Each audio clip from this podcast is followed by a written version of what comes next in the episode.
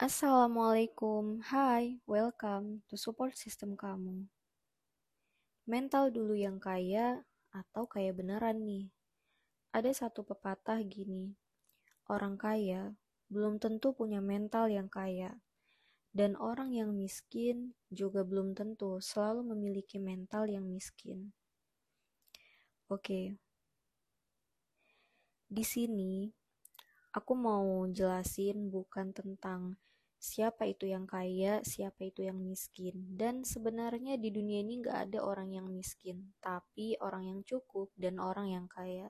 Yaps, jika kamu memiliki pandangan seperti itu, dan jika kamu nggak suka dengan konotasi kata miskin, oke, okay, di sini karena memang hanya ada dua hal yang ingin aku bandingkan, maka dua hal ini yang bakal aku bahas. So, di mana letak kekayaan itu sebenarnya? Selama ini, yang kita tahu bahwa miskin itu hanya dilihat dari apa yang seseorang miliki.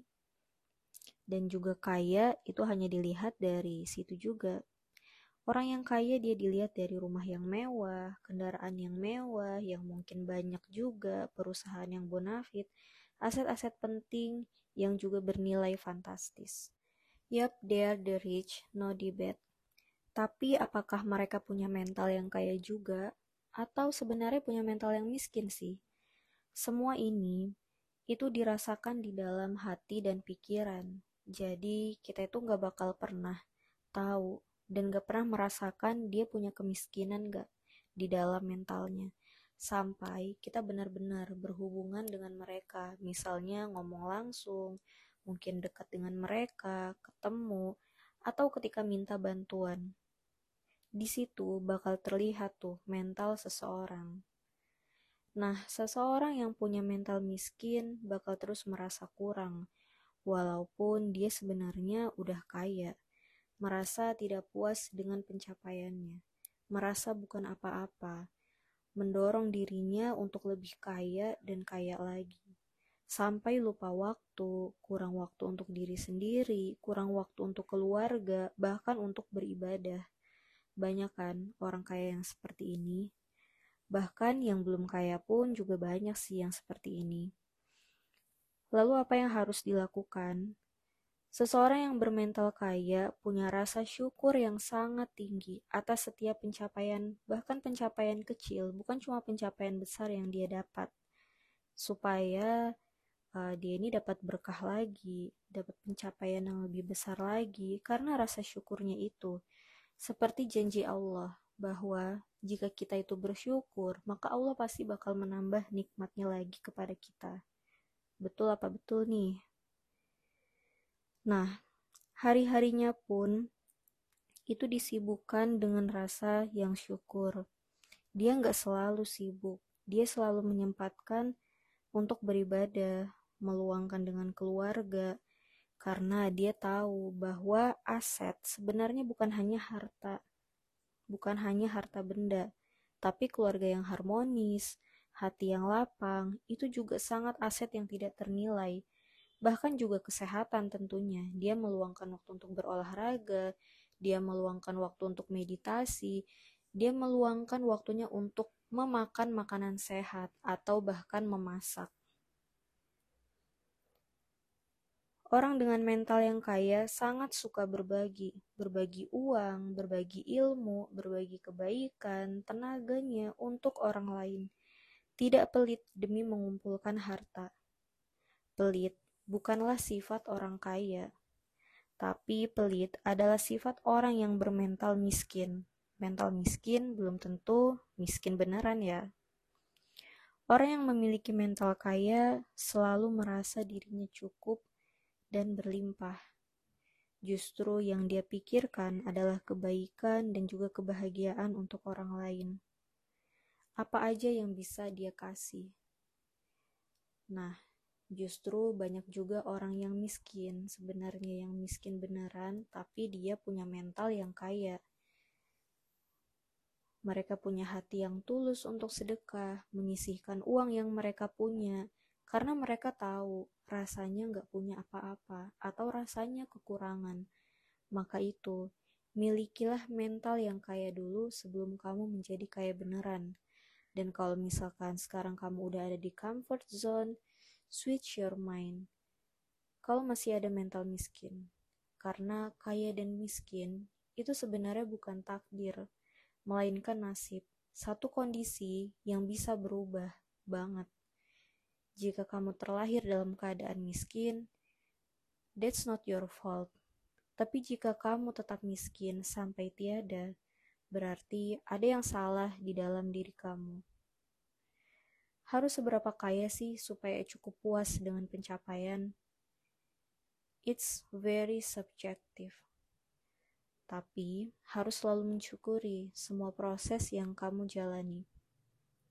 Kamu boleh melihat pencapaian orang lain sebagai pembangkit atau sebagai strum supaya kamu lebih semangat untuk meraih tujuan hidup kamu. Da, jadi kalau misalkan mereka bisa, ya kamu juga bisa tanpa compare atau bandingin diri kamu dengan mereka. Nah, supaya kamu nggak bingung dan supaya kamu tahu seberapa sih seharusnya kamu sukses, sebenarnya ini tuh nggak ada. Setiap orang itu beda-beda. Ada yang dia merasa udah sukses kalau misalkan dia bisa menyekolahkan kelima adiknya. Misalnya, ketika dia bisa menghajikan, mengumrohkan orang tuanya, punya rumah, punya sawah, punya kendaraan, semua itu berdasarkan dari pengalaman setiap orang. Ada juga yang dia merasa udah sukses ketika dia bisa masuk ke universitas terbaik, ternama, bisa membahagiakan kedua orang tuanya, that's enough. Dan ada juga yang dia tinggal di desa aja udah cukup, dengan penghasilan mungkin dari peternakannya, perikanannya misalnya. Dan itu udah cukup buat dia bahagia dengan dia bisa juga berbagi dengan orang-orang di sekitarnya. That's enough. Jadi kalau misal kamu bertanya seberapa puas dalam pencapaian itu sangat subjektif. Tapi yang paling penting adalah hindari sifat tamak atau sifat rakus karena itu bukanlah sifat orang yang kaya. Kamu harus tahu apa benefit dari harta benda yang bakal kamu dapatkan, dari uang yang bakal kamu peroleh. Karena, seperti di podcast yang sebelumnya, saya pernah share tentang keran-keran rezeki. Kalau misalkan kamu ingin mendapatkan rezeki yang berlimpah, bakal kamu gunain untuk apa nih? Kalau misalkan untuk kebaikan, that's really good. Tapi kalau misalkan cuman untuk pamer, cuman untuk membuat diri kamu sendiri satisfying, bahagia, tanpa kamu memikirkan orang lain, maka hati-hati. Di situ kamu sudah jatuh dalam keadaan bermental miskin. So, supaya kamu gak bingung, tetapkan skala prioritas kamu dan tujuan kamu, apa aja yang ingin kamu capai. Dan berjalanlah ke arahnya. Jangan menunggu sempurna, tapi berjalanlah sambil menyempurnakan. Pandangi setiap tujuan-tujuan yang kamu inginkan, alangkah baiknya kamu tulis itu setiap harinya. Misalnya, kamu ingin masuk ke universitas terbaik, pajang foto universitas tersebut di tempat yang sering kamu lihat, misalnya di uh, kaca gitu ya, di cermin, atau mungkin di pintu gitu, atau mungkin di lemari kamu. Bayangin kalau kamu udah masuk di dalamnya, kamu bahagia, dan kamu ya pastinya udah lolos ke sana gitu ya, dan kamu bisa belajar maksimal, bahagia. Karena perasaan yang menang dan bahagia inilah yang bakal menambah dan meningkatkan keberhasilan kamu di kemudian hari. Mental kaya cukup, berlimpah, sehat, bahagia harus kamu bangun di dalam diri kamu walaupun saat ini kamu belum seperti apa yang kamu inginkan, masih jauh seperti apa yang kamu harapkan. Bayangkan kekayaan, impian, keberlimpahan yang kamu inginkan itu dalam bentuk yang bahagia. Karena masih banyak di luar sana yang menggebu-gebu impiannya itu diharapkan terwujud, tapi mereka itu nggak yakin ada juga yang berpikir kapan ya ini terwujud, kok nggak dapat-dapat sih? Menunggu dengan sangat kesal.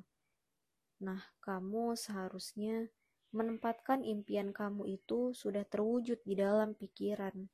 Udah ada nih bentuk aslinya di pikiran kamu. Jangan tanya gimana cara dapetnya, gimana jalannya, karena semesta bakal menunjukkan jalannya. Ini bukan kata-kata dari pujangga ya, tapi begitulah adanya karena kamu memiliki vibrasi yang positif dan frekuensi yang positif. Begitupun jika kamu udah punya kekayaan, bangun kembali mental kaya. Jangan pelit. Semakin banyak yang diterima, maka semakin banyak pula yang harus kamu berikan. Karena sifat uang itu suka banget mengalir, bukan stagnan atau stay di dalam berangkas. Sisihkan selalu untuk kamu bagi, sedekahkan, karena itulah bukti bahwa kamu the real rich dan bangun sifat kaya di dalam diri kamu semua mulai hari ini. Keep fighting.